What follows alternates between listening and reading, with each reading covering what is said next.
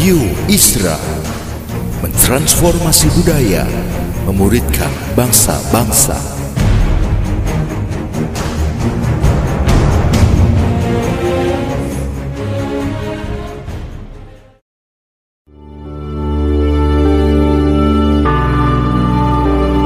Apostolic Prophetic Messages mengungkapkan pesan dan arahan dari hati Tuhan bagi gerejanya demi menuntaskan mandat kerajaan Allah di Indonesia dan bangsa-bangsa. Selamat mendengarkan.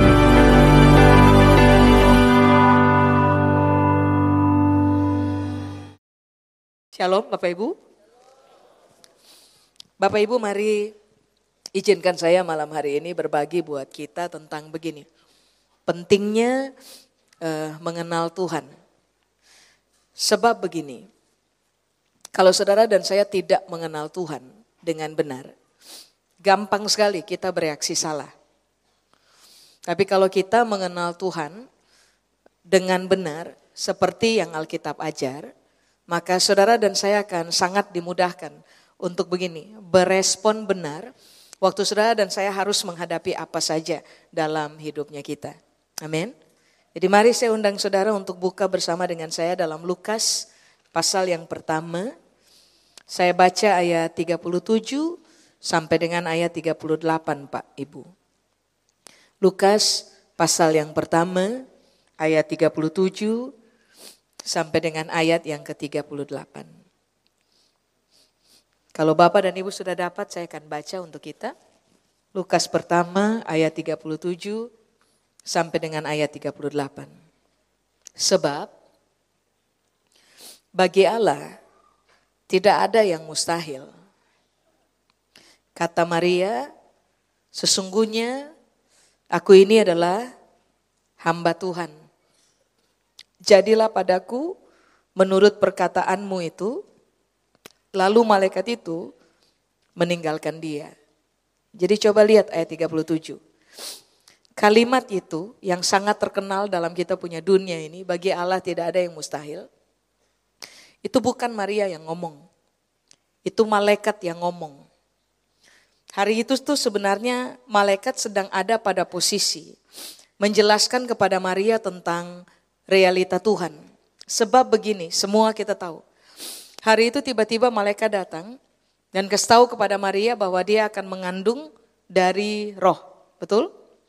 Lalu Maria bilang, bagaimana mungkin hal itu terjadi untuk saya? Sebab saya belum menikah. Tidak ada, belum ada pernikahan sah. Bagaimana mungkin saya hamil tanpa pernikahan yang sah? Lalu kemudian ini jawaban malaikat. Sebab bagi Allah tidak ada yang mustahil. Begini Pak Ibu. Kata mustahil di situ bahasa Yunani menggunakan kata adinateo. Adinateo itu artinya begini, mustahil sama dengan tidak berkuasa. Mustahil atau adinateo itu arti yang kedua adalah begini, nggak bisa terselesaikan. Kalau sampai malaikat hari itu bilang bagi Allah tidak ada yang mustahil, berarti kan itu lawan katanya. Betul? Bahwa bagi Tuhan di dalam dia tuh ada kuasa. Dia sangat berkuasa sehingga dia itu bisa menyelesaikan apa saja. Amin. Makanya ini yang kemudian kita pahami tentang Tuhan.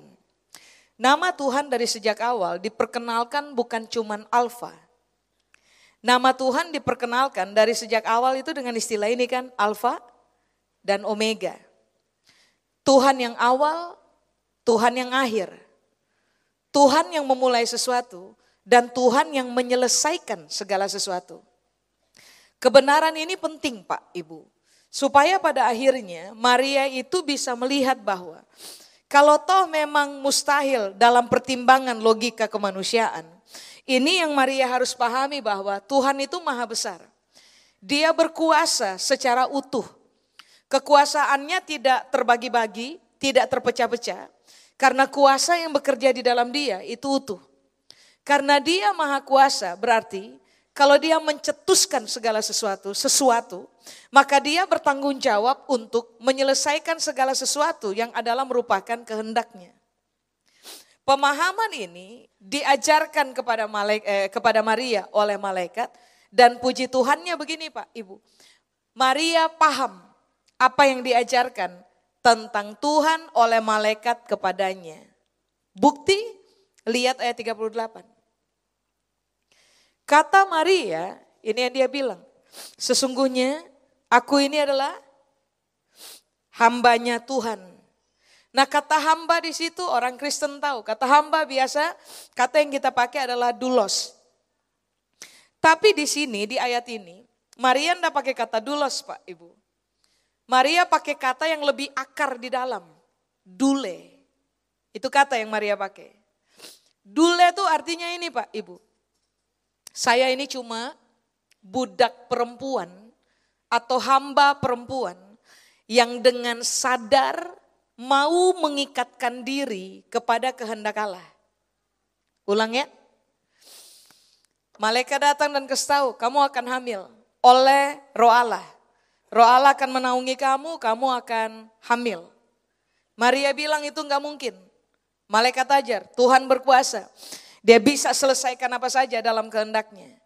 Maria paham dan Maria bilang, saya ini cuma budak perempuan atau hamba perempuan yang dengan sadar mengikatkan diri kepada kehendak Tuhan.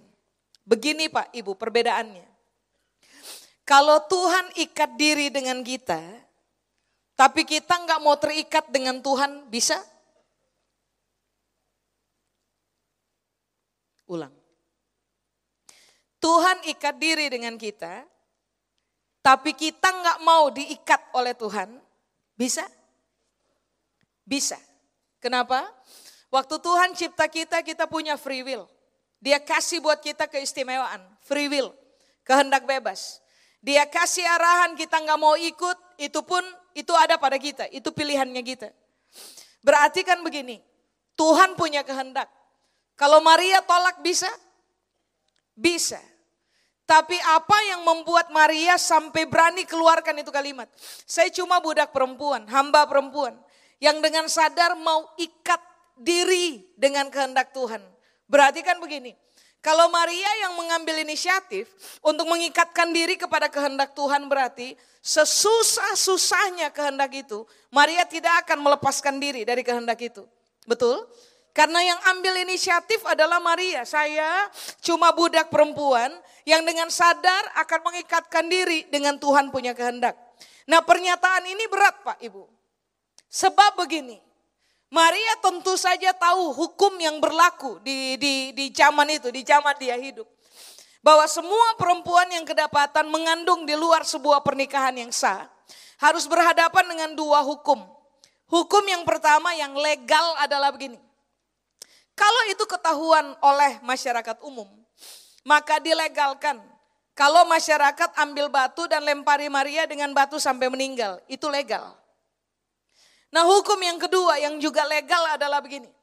Kalau toh masyarakat tidak lempari dia dengan batu sampai meninggal, yang harus dikerjakan, yang harus terjadi berikutnya adalah ayah kandung dari Maria harus ikat tangan anaknya, harus ikat kaki anaknya, lalu masukkan aja ke dalam sumur dan biarkan tenggelam sampai meninggal.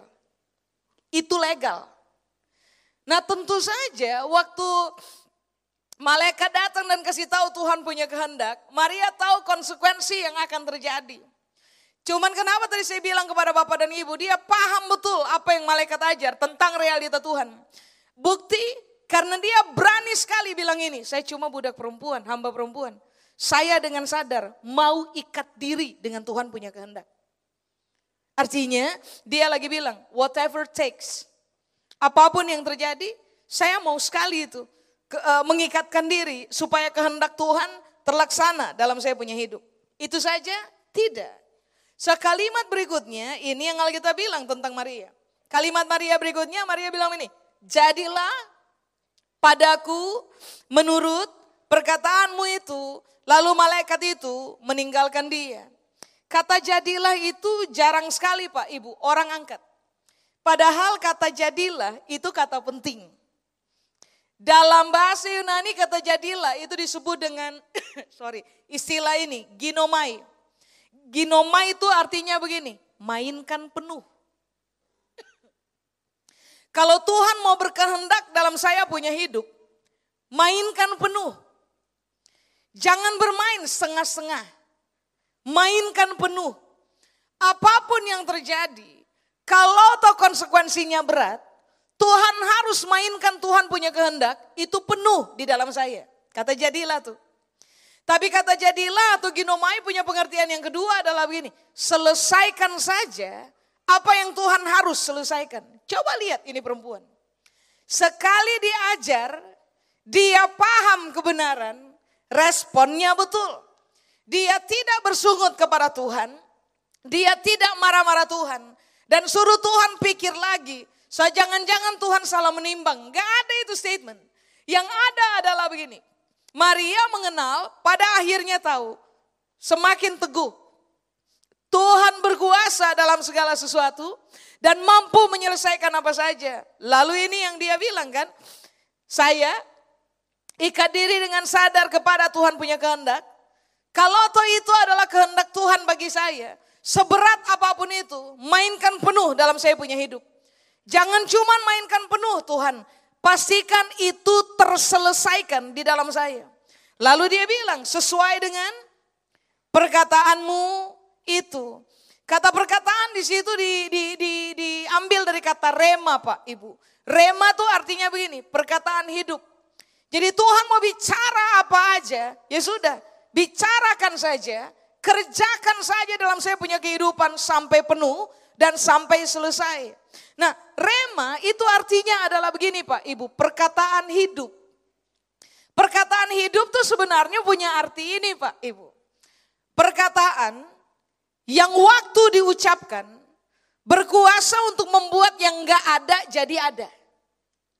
Rema atau perkataan hidup itu artinya adalah begini. Perkataan yang bisa membuat yang mustahil berubah menjadi tidak mustahil. Perkataan hidup punya arti yang berikutnya adalah begini. Perkataan yang kalau itu diucapkan bisa membuat yang mati jadi bangkit, jadi hidup. Makanya coba saudara lihat, ini perempuan sekali diajar, dia langsung paham realita tentang Tuhan.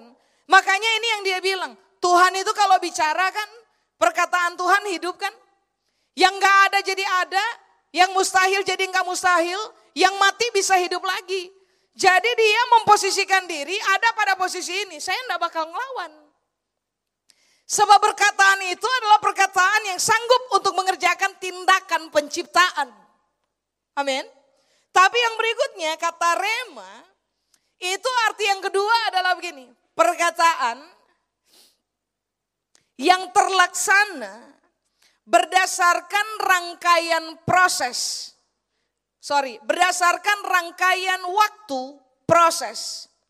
Waktu awal, waktu tengah, dan waktu akhir. Ulang ya. Maria bilang, jadi aja sesuai dengan Tuhan punya perkataan. Perkataan yang nantinya akan terlaksana berdasarkan rangkaian proses eh, yang berkaitan dengan waktu awal, waktu tengah, dan waktu akhir. Makanya coba saudara lihat, Maria harus berhadapan dengan konsekuensi berat dan Alkitab tidak pernah tulis bahwa begini, dia lari dari proses. Dia menyerah di tengah proses. Di tengah proses tiba-tiba dia berteriak kepada Tuhan sambil berkata, Tuhan saya nggak kuat nih. Tekanan dalam masyarakat, tekanan dalam keluarga terlalu berat. Maaf ya, saya gugurkan saja ini anak. Nggak ada, saudara nggak akan menemukan statement itu dalam Alkitab. Kenapa? Sebab begini, seberat-beratnya proses yang Maria harus hadapi, di awal itu dia sudah dikasih tahu bahwa Tuhan itu bekerja sampai akhir. Jadi yang harus kamu pahami adalah kalau toh kamu membiarkan kehendak Tuhan terlaksana dalam kamu punya hidup, kamu harus tahu bahwa pekerjaan itu ada proses awal, ada proses tengah, ada proses akhir. Ada waktu awal, ada waktu tengah, ada waktu akhir. Jadi selama ini waktu masih waktu tengah, jangan menyerah. Jangan lari dari proses, jangan berhenti di tengah jalan. Waktu sudah tidak kuat berhadapan dengan proses, ini yang sudah dan saya harusnya seperti Maria kasih tahu kepada Tuhan. Saya tahu betul bahwa perkataan Tuhan itu ber, ber, berkaitan erat dengan waktu akhir. Jadi saya tidak akan melarikan diri sampai waktu akhir dari pemrosesan itu tiba. Coba lihat. Makanya coba saudara lihat. Apa yang kemudian dia pahami menghasilkan Kristus. Betul? Yesus. Apa yang Maria pahami dari pengajaran malaikat tentang realita Tuhan lah. Yang membuat saudara dan saya berdiri sampai hari ini nih. Mengecap keselamatan sampai hari ini. Berarti kan ini yang Alkitab berupaya kesal kepada kita bahwa sangat penting Pak Ibu. Waktu saudara dan saya diajar kebenaran. Kita duduk atau kita mau berdiri, kita pay attention, kita mendengarkan dengan seksama. Supaya pada akhirnya apa pun yang diajarkan kepada kita tentang realita Tuhan, kita paham. Seperti Maria. Sa kalau kita paham tentang siapa Tuhan yang kita sembah, sangat mudah bagi saudara dan saya untuk berani bersetuju dengan Tuhan punya kehendak dalam hidupnya kita.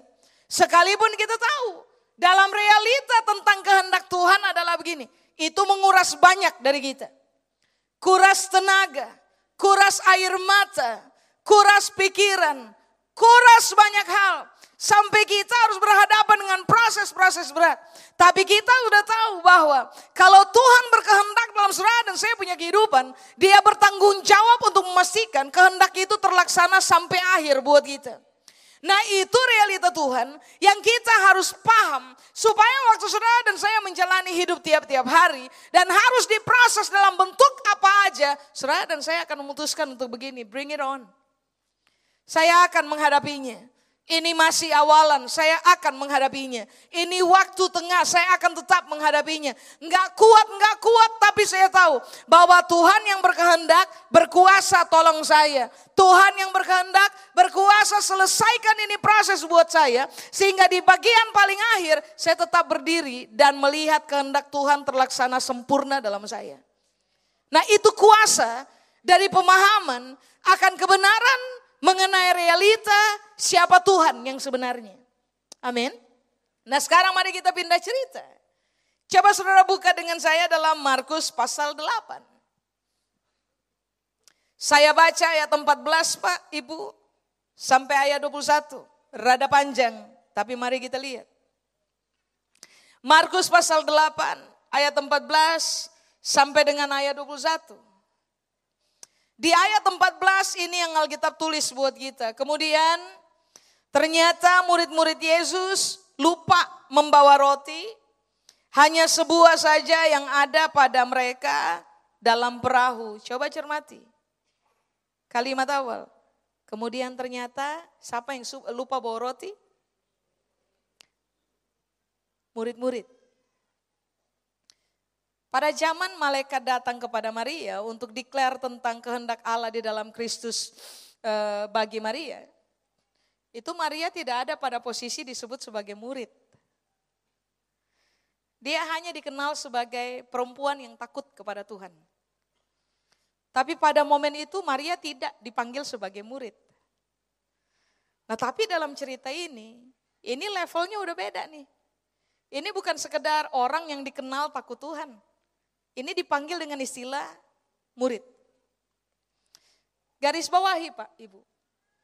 Orang yang nggak dengar pengajaran tentang kerajaan Allah dari malaikat. Orang yang dengar hakikat kebenaran tentang kerajaan Allah from God himself. Dari Yesus langsung. Orang yang hidup sama-sama dengan Yesus, jalan sama-sama dengan Yesus, makan sama-sama dengan Yesus, terlibat pelayanan sama-sama dengan Yesus, dengan mata kepala mereka sendiri mereka melihat bagaimana dalam kemahakuasaannya Yesus mengerjakan perkara-perkara hebat, mujizat-mujizat besar pada zaman itu. Mereka lihat langsung. Sudah?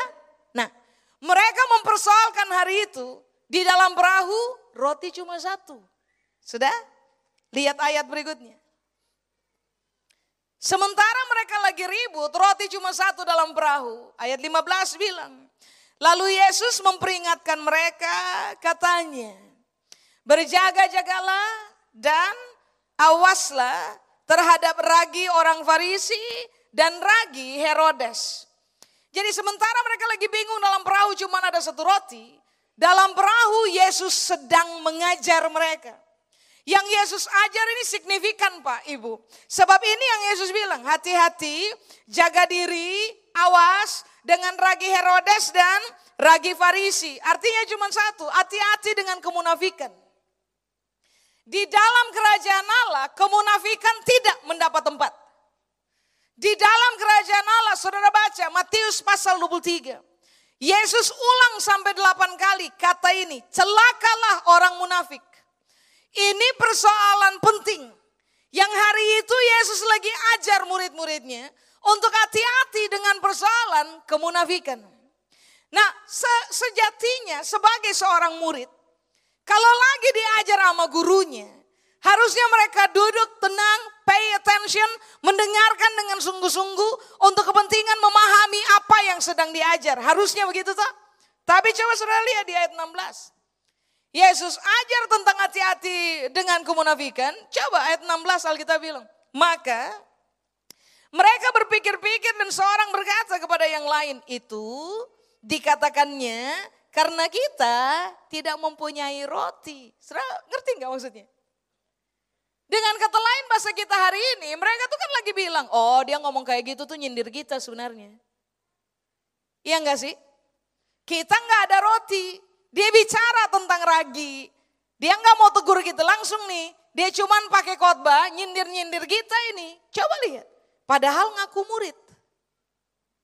Sementara lagi diajar hal esensi yang berkembang di dalam mereka adalah asumsi. Harusnya ketika orang diajar prinsip kebenaran, orang langsung bertemu dengan prinsip kebenaran, seluruh asumsi itu akan gugur di tengah jalan Pak Ibu. Kalau saudara dan saya bertemu dengan prinsip kebenaran. Cuman persoalannya adalah begini, ini status murid, orang VVIP-nya Yesus, very very important person-nya Yesus. Orang paling dekat dengan Yesus. Sudah diajar berkali-kali, tapi nggak paham juga. Bukti dari ketidakpahaman mereka tentang apa yang Yesus ajar adalah mereka tetap terjebak dalam permainan asumsi. Nyindir kita. Sudah? Coba saudara lihat ayat 17. Dan ketika Yesus mengetahui apa yang mereka perbincangkan, ia berkata kepada mereka, Mengapa kamu memperbincangkan soal tidak ada roti? Belum jugakah kamu paham dan mengerti? Telah degilkah hatimu? Kamu mempunyai mata, tidakkah kamu melihat? Dan kamu mempunyai telinga, tidakkah kamu mendengar? Tidakkah kamu ingat lagi? Pada waktu aku memecah-mecahkan lima roti untuk lima ribu orang itu, berapa bakul penuh potongan-potongan roti kamu kumpulkan? Jawab mereka, 12 bakul. Jawab lagi. Ayat 20. Dan pada waktu tujuh roti untuk empat ribu orang itu, berapa bakul penuh potongan-potongan roti kamu kumpulkan? Jawab mereka, tujuh bakul. Coba sudah lihat ayat 21. Lalu katanya kepada mereka, masihkah kamu belum mengerti? Ulang. Maria diajar paham esensinya, bersetuju dengan kehendak Allah, responnya benar. Betul? Murid-murid diajar berkali-kali. Tidak mengerti apa yang diajarkan. Yang terjadi adalah bukan respon benar. Yang terjadi adalah reaksi salah. Bukti dari reaksi salahnya mereka adalah mereka berasumsi bahwa Yesus sedang menyindir mereka. Makanya waktu berhadapan dengan realita itu, Yesus akhirnya keluarkan itu kalimat kan. Ini yang Yesus bilang, kenapa kamu perbincangan masalah tidak ada roti? Bapak Ibu berandai-andai saja. Dalam perahu itu ada Yesus dengan 12 murid. Berarti ada 13 orang tuh. Belum lagi orang yang mendayung perahu. Let's say antara 15 sampai 20 orang dalam perahu. Sudah? Cuma 20 orang. Menurut saudara dari apa yang tadi Yesus bilang? Lima roti, lima ribu orang laki-laki makan belum termasuk perempuan dan anak-anak. Alkitab bilang itu tak? Eh, tujuh roti. Eh sorry, tujuh roti kan empat roti tadi? Tujuh roti ya. Tujuh roti, berapa ribu orang makan? Empat ribu orang makan, sisa tujuh bakul. Nah menurut saudara, pertimbangan logika saja. Kira-kira satu roti bisa berapa orang makan? Pakai sederhana yang lima ribu saja. Lima roti, lima ribu orang makan. Kalau satu roti, iya, seribu orang makan. Secara kira-kira saja pengandaian. Secara dalam perahu itu cuma 20 orang.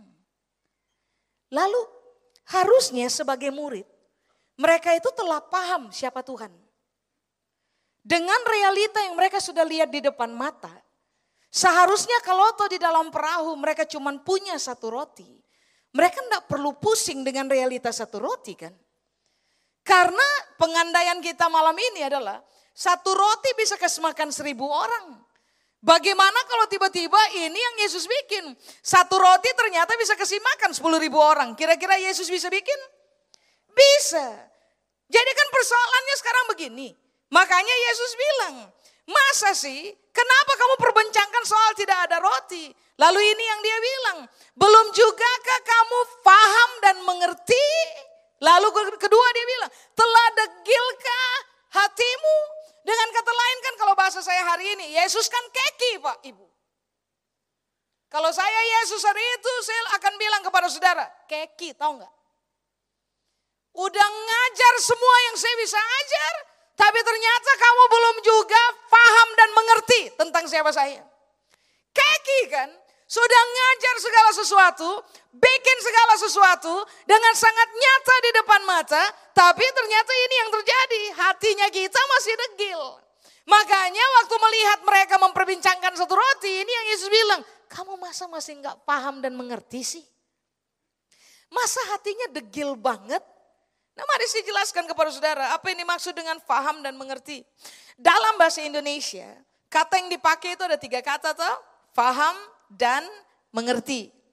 Tapi dalam bahasa Yunani kata yang dipakai itu cuma satu, siniemi. Jadi hari itu ini yang Yesus bilang, belum jugakah kamu siniemi? Nah siniemi itu artinya adalah begini Pak Ibu. Belum jugakah kamu mampu untuk menyusun peristiwa-peristiwa yang telah terjadi sehingga kamu dapat mengenali cara saya bekerja. Itu Siniemi. Ulang ya. Waktu dia bilang, belum jugakah kamu paham dan mengerti? Ini yang dia bilang, belum jugakah kamu mampu menyusun seluruh peristiwa yang telah terjadi untuk pada akhirnya kamu bisa paham cara saya bekerja? Satu, dua. Siniemi, siniemi itu artinya adalah begini.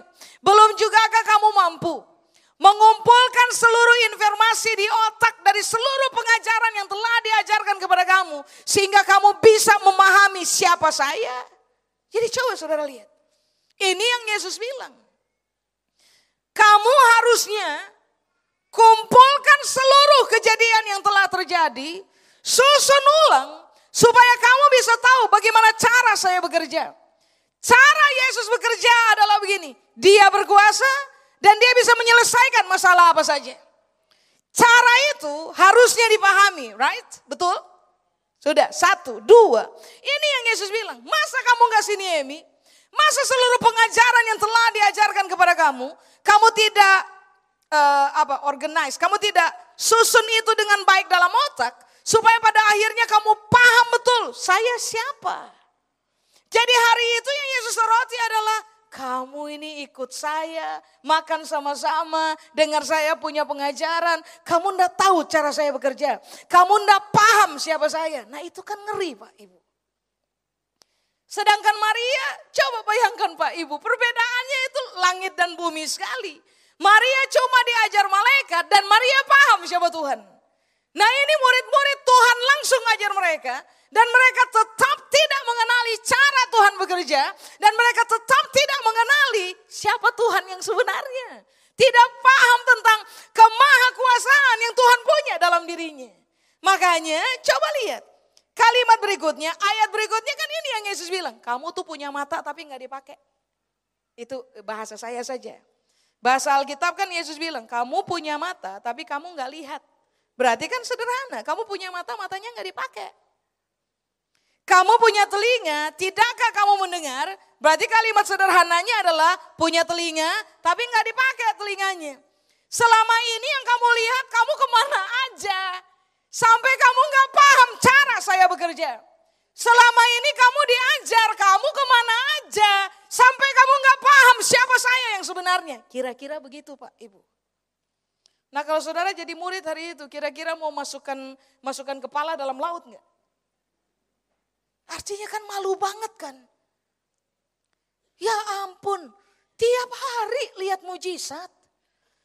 Masih masih masih mempersoalkan di, di, dalam perahu ini cuma satu roti.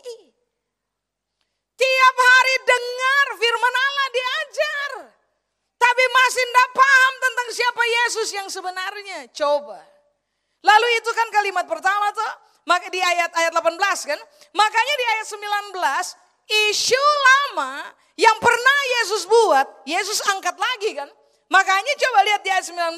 Ini yang Yesus bilang, 18 kalimat terakhir, ini yang Yesus bilang. Masa kamu gak ingat lagi sih? Lima roti, lima ribu orang makan. Ada sisa? Ada. Jawab lagi, berapa bakul? Masa kamu gak ingat sih? Tujuh roti saja empat, empat ribu orang makan. Ada sisa? Ada. Jawab lagi tujuh bakul. Pintar jawab tapi tidak paham cara Tuhan bekerja. Pintar jawab tadi tapi tidak paham siapa Tuhan yang sebenarnya. Nah itu kan masalah. Begini Pak Ibu. Tuhan itu maha kuasa. Dia bisa selesaikan apa saja. Cuman ini yang saudara dan saya harus minta tolong Tuhan bantu kita. Pada akhirnya begini, kita harus ada pada posisi paham dan mengerti. Mata kita harus kebuka banget. Dengan cara bagaimana? Saya yakin dalam hidup saudara, entah tahun keberapa, atau entah bulan apa, atau entah tanggal berapa. Saudara pasti punya pengalaman. Waktu berdoa minta tolong dan pertolongan datang. Pernah? Saudara pasti punya pengalaman. Waktu butuh mujizat, mujizat terjadi. Saudara pasti punya pengalaman. Berteriak dan Tuhan menjawab. Saudara pasti punya pengalaman. Sakit nggak sembuh-sembuh, declare firman Tuhan, meyakini Tuhan menyembuhkan, dan saudara sembuh. Mari saya kasih tahu. Cerita-cerita itu dalam saudara punya hidup, jangan buang. Susun. Kumpulkan jadi sebuah cerita untuk hidup kita. Supaya kita paham cara Tuhan bekerja. Bahwa sampai hari ini dia masih berkuasa mengerjakan hal-hal hebat dan mengerjakan mujizat. Dia bisa selesaikan apa saja Pak Ibu. Makanya lagu sekolah minggu dulu itu memang harus diajar ulang kepada anak-anak sekolah minggu. Hitung berkat satu-satu. Jangan lupa jumlah.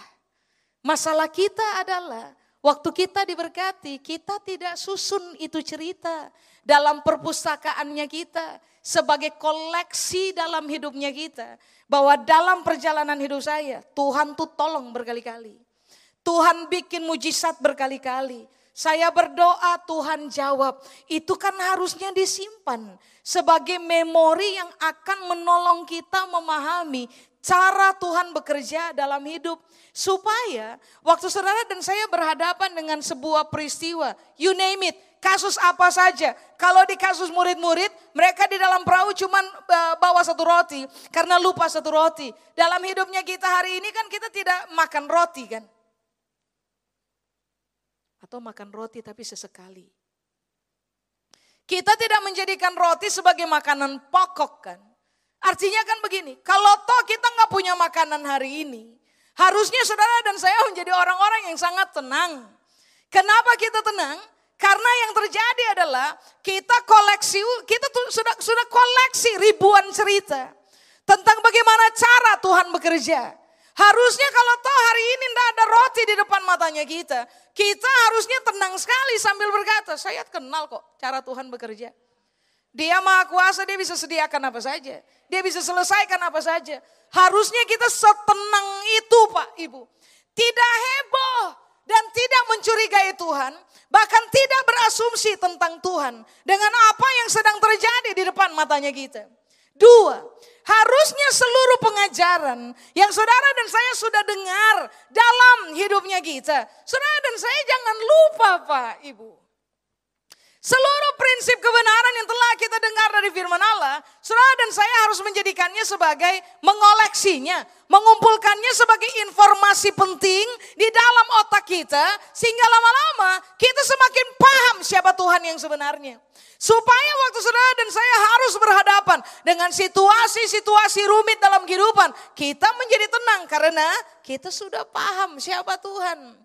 Seperti Maria kita bisa bilang, kalau memang ini Tuhan punya kehendak, mainkan saja secara penuh di dalam saya dan pastikan Tuhan selesaikan. Saya cuma budak perempuan, kalau laki-laki yang mengucapkannya dule berarti saya cuma budak laki-laki yang berani dengan sadar mengikatkan diri kepada Tuhan punya kehendak. Tuhan mau main apa aja dalam saya punya hidup, so be it.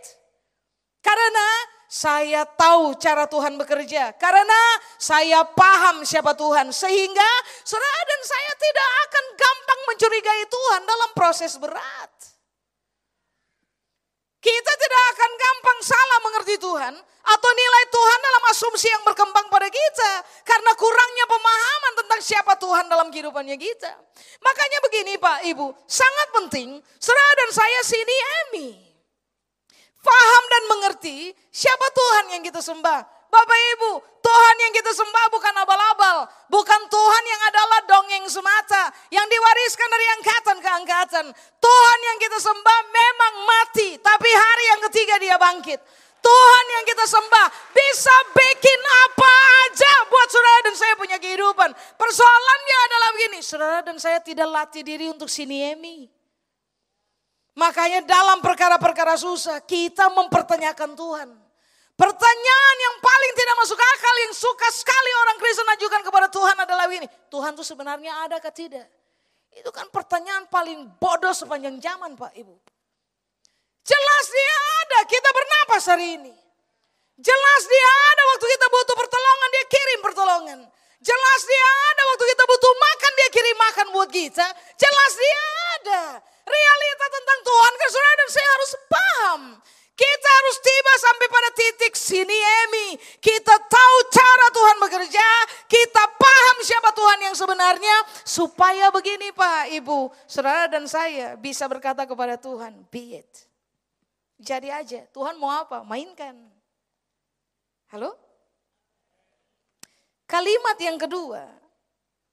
Bahasa saya yang mengekspresikan kekinya Tuhan, Yesus hari itu adalah telah degilkah hatimu? Kata degil di situ Bapak Ibu. Bahasa Yunani pakai kata ini, poro atau poros. P-O-R-O-O atau P-O-R-O-S. Poro atau poros. Degil tuh artinya ini Pak Ibu. Begini, poro itu sebenarnya sejenis batu. Sekian tahun yang lalu kan kita di Indonesia lagi rame-rame bebatuan kan. Salah satu batu yang cukup mahal, yang nggak cukup mahal, yang mahal itu batu bacan. Sudah pernah dengar? Itu ada di Maluku tuh. Itu batu memang cakep banget, layak lah kalau harganya mahal pada momen itu. Tapi sekarang kan harga sudah turun. Anyway. Jadi waktu hari itu Yesus bilang, telah degilkah hatimu? Telah porokah kamu? Poro adalah jenis batu. Kalau dalam kalimat saya hari ini, Kira-kira ini yang Yesus bilang. Masa kamu sebatu itu? Diajar berkali-kali, lihat banyak hal berkali-kali. Lalu ini pertanyaannya Yesus buat murid-muridnya. Masa kamu sebatu itu? Sekarang ini kan yang perlu kita pertanyakan. Kamu lihat Tuhan berkali-kali mengerjakan hal hebat. Kamu dengar pengajaran mengenai realitas siapa Tuhan yang sebenarnya. Lalu waktu kamu berhadapan dengan realita hidup, kamu questioning God, kamu mempertanyakan Tuhan, kalimatnya sama, masa kamu sebatu itu? Degil, poro, atau poros, itu arti yang kedua adalah ini Pak, Ibu. Masa kamu sebuta itu? Makanya kan kalimat itu yang dia bilang, kamu tuh punya mata, tapi matanya nggak dipakai. Harusnya semua orang punya mata, pakai dong mata untuk melihat. Waktu itu dia bilang, telah degilkah hatimu? Telah butakah kamu? Coba saudara bayangkan, itu kan kalimat nggak enak. Ketemu Yesus sumber kekuasaan, dengarkan pengajaran langsung dari Yesus, dan Yesus bilang, yang kayak gini-gini nih, batu. Yang kayak gini-gini nih, buta. Kata poro, pengertian yang ketiga adalah begini, bodoh. Dengan kata lain ini yang Yesus bilang, masa kamu sebodoh itu? Pengertian yang paling sakit itu pengertian yang keempat. Masa kamu tidak akurat dalam menilai saya? Poro itu artinya tidak akurat menilai. Itu kan sakit Pak Ibu. Bayangkan begini. Saudara punya orang-orang di dekat. Yang tiap hari jalan sama-sama, makan sama-sama. Saudara ajar belak-belakan, cerita belak-belakan, jelaskan buat mereka realita kerajaan Allah pada proporsi yang sebenarnya. Saudara bikin mujizat di depan mata mereka, lalu ternyata yang terjadi adalah mereka salah, mereka tidak akurat nilai kita. Sakit nggak?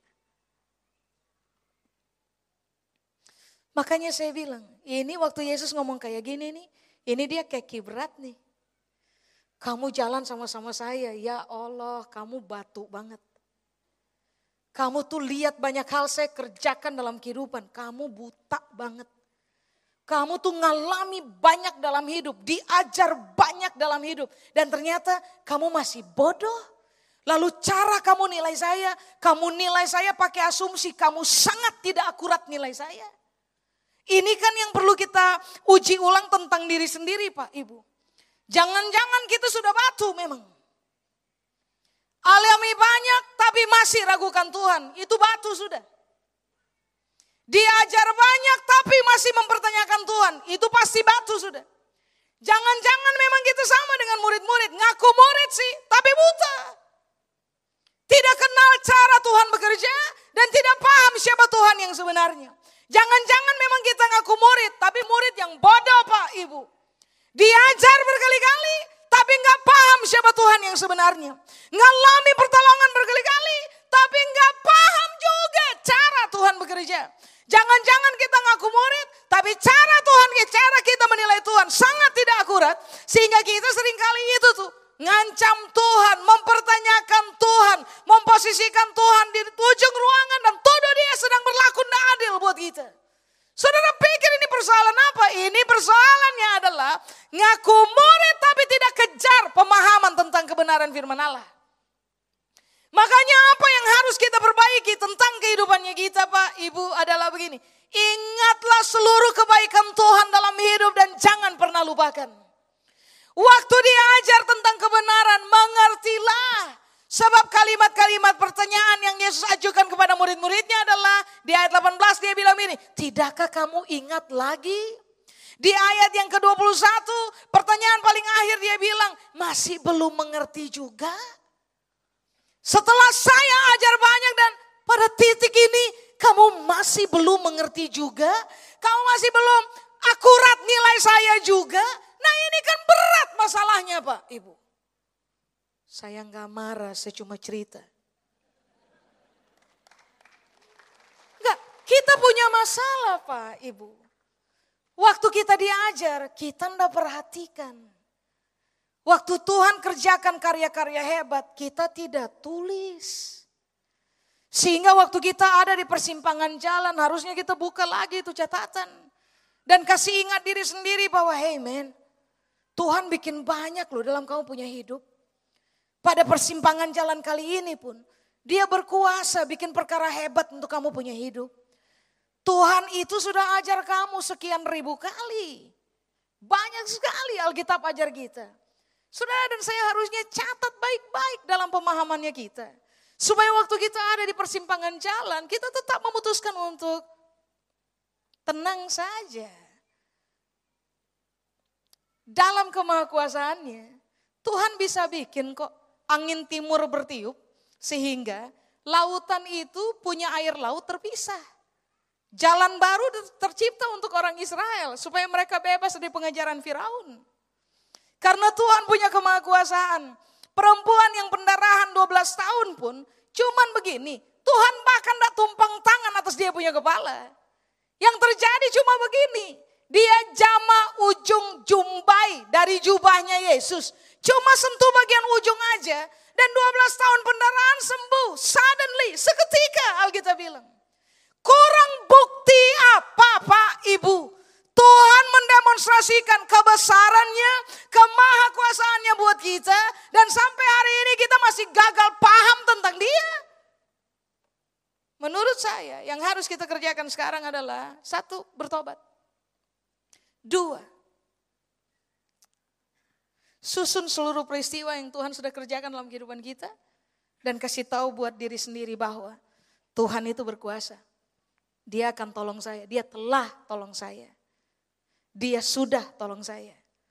Kali ini pun dia berkuasa untuk tolong saya. Kumpulkan seluruh pengajaran yang ada. Kalau atau saudara di persimpangan jalan, kasih tahu kepada diri sendiri. Yang saya kenal tentang Tuhan adalah dia bukan Tuhan yang ngomong kosong. Yang gampang berjanji dan lupakan janji. Lalu nggak mau tahu tentang kita punya hidup. Yang saya tahu tentang Tuhan adalah Sekali dia berjanji, seribu tahun berlalu, dia tetap ingat dia punya janji. Dia akan tetap genapi. Nah ini kan harus dibangun Pak Ibu. Supaya pada akhirnya saudara dan saya bisa jadi itu seperti Maria. Diajar, pay attention, memahami, mengenal, sehingga berani sekali serahkan kehidupan untuk terikat dan membiarkan kehendak Tuhan terlaksana mutlak dalam kehidupan. Kita kalau mengenal Tuhan dengan benar Pak Ibu. Kita kalau tahu betul apa kehendak Tuhan dalam kehidupan kita. Kehendak yang tidak mungkin mencelakakan saudara dan saya. Saudara dan saya akan pasti berani sekali berkata. Tuhan punya kehendak apa saja, mainkan penuh di dalam saya. Selesaikan itu sampai akhir, saya dengan rela akan mau mengikatkan diri dengan Tuhan punya kehendak. Kalau tuh ada konsekuensi yang harus dihadapi dan itu berat harganya. Anyway, yang saya pahami adalah Tuhan itu sangat berkuasa dan sangat berkuasa menyelesaikan apa saja yang secara manusia kita bilang tidak bisa selesai. Halo? Saya selesai Pak Ibu. Saya undang saudara bangkit berdiri.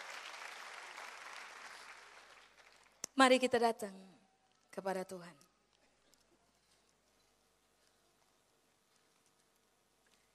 Timbang ulang. Just take your time for a while, ambillah waktu sebentar dan cek ulang. Saya menjadi orang yang terbiasa susun cerita enggak? Lalu saya kenali bahwa Tuhan saya hebat. Bisa bikin apa saja. Jadi saya tenang. Lalu coba cek ulang. Saya adalah orang yang suka belajar kebenaran. Lalu kebenaran itu saya kumpulkan dalam dalam otak saya untuk supaya otak saya memberikan informasi kepada saya bahwa Tuhan itu tidak mungkin tinggalkan saya tambah lama tambah paham Tuhan. Nah itu harus dicek Pak Ibu. Saudara dan saya harus didapati sebagai orang yang terbiasa ingat cara Tuhan bekerja dan mengerti siapa Tuhan yang sebenarnya. Supaya kita stop berasumsi tentang Tuhan. Amin. Kita jadi orang yang gampang sekali bilang, so be it, thine will be done in my very life. Mari kita ambil waktu tenang sebentar. Cek ulang. Saya Maria, atau saya ada pada pada kategori murid Yesus dalam cerita yang tadi? Which one?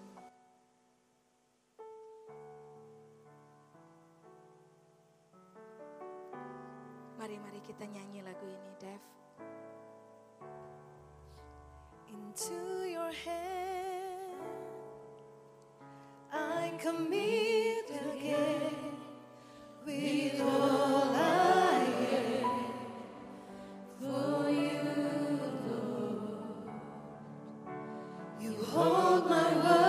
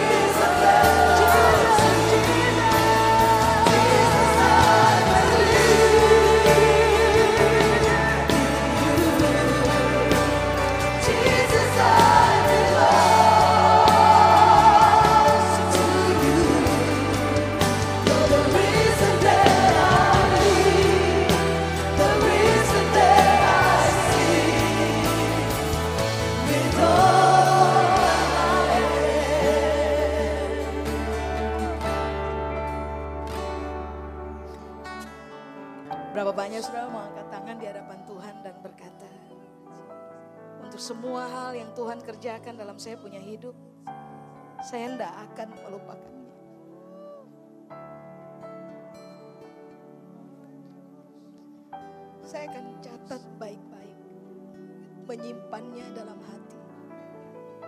Supaya waktu saya harus berhadapan dengan apa saja dalam hidup.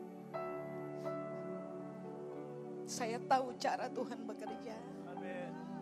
Tuhan itu besar dan bisa menyelesaikan apa saja. Saudara boleh taruh tangan di dada saja. Berapa banyak saudara mau berkata kepada Tuhan malam ini. Apa pun yang Tuhan ajar, saya tidak akan buang. Saya akan kumpulkan seluruh informasi dalam otak, mengolahnya dengan baik. Supaya saya semakin paham siapa Tuhan. Berhenti mencurigai Tuhan. Berhenti nilai Tuhan dalam asumsi. Menjadi orang yang mengikut Tuhan dalam pemahaman yang kuat. Supaya waktu saya berhadapan dengan apa saja. Bagaimanapun kehendak Tuhan dalam hidup saya. Saya akan berani berkata kepada Maria, so be it. Saya adalah budak perempuan, hamba laki-laki. Yang dengan sadar mau ikat diri kepada Tuhan punya kehendak. Tuhan mau mainkan apa saja dalam saya punya hidup. Mainkan penuh, pastikan selesai. Supaya pada akhirnya nama Tuhan dipermuliakan dalam hidup saudara dan juga dalam hidup saya. Kalau saudara orangnya saudara boleh taruh tangan di dada. Mari kita ganti kelakuan lama dengan kelakuan baru. Kelakuan yang suka lupa Tuhan punya punya pertolongan. Menjadi kelakuan yang terbiasa, ingat ulang terus menerus. Tuhan punya perbuatan. Inilah yang ku renungkan. Setiap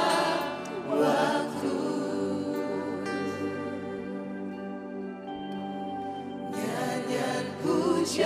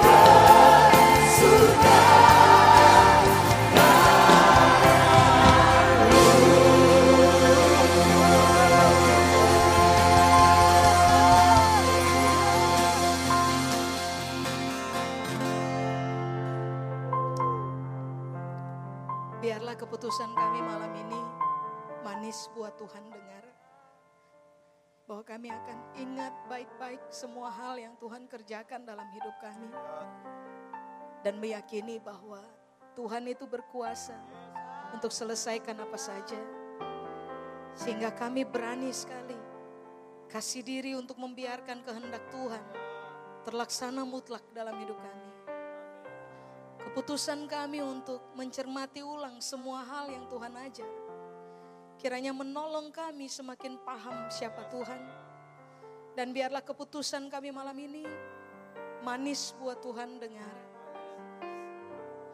Tolong kami supaya kami menjadi orang yang tambah lama, tambah kenal Tuhan, tambah bergantung kepada Tuhan, tambah percaya kepada Tuhan.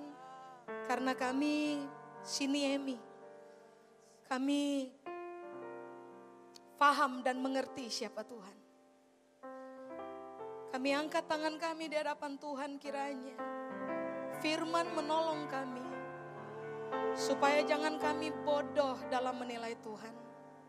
Jangan kami buta waktu melihat Tuhan sedang mengerjakan perkara-perkara hebat dalam hidup kami. Tolong kami supaya jangan kami jadi batu. Tuhan bikin banyak dan kami masih nuntut sambil berkata masih kurang. Kiranya kami punya hati adalah hati yang gampang sekali bersyukur kepada Tuhan. Untuk semua hal-hal hebat yang Tuhan sudah kerjakan dalam hidup kami. Dan hal-hal hebat yang akan Tuhan kerjakan dalam hidup kami. Kasih kami hati baru. Supaya batu di dalam kami selesai. Tolong kami supaya kami gampang nilai Tuhan secara akurat. Sehingga kami tidak lagi bermain asumsi terhadap Tuhan. Berhenti mencurigai Tuhan. Berhenti marah Tuhan. Berhenti menuduh Tuhan dengan tuduhan-tuduhan yang tidak adil. Hari ini kami berdoa biarlah keputusan kami malam ini. Manis buat Tuhan dengar. Seluruh kebenaran ini ya Tuhan. Tuhan materaikan dalam pertimbangan kami dan perenungan kami. Supaya seumur hidup kami dikenal sebagai orang-orang yang terbiasa mengerjakan firman Allah dan bukan hanya pendengar saja. Kami terlatih sebagai orang-orang yang paham siapa Tuhan, kenali cara Tuhan bekerja, berani setuju dengan kehendak Tuhan atas kehidupan kami. Sekalipun kami tahu ada konsekuensi yang berat yang harus kami bayar, kami akan menghadapinya sebab kami tahu kehendak Tuhan tidak akan gagal dalam hidup kami. Berkatmu menyertai kami turun-temurun waktu kami taat kepada firman Allah. Kepada Tuhan seluruh kemuliaan. Di dalam nama Yesus yang percaya, sama-sama kita berkata, amin. Tuhan memberkati Bapak Ibu, silakan duduk.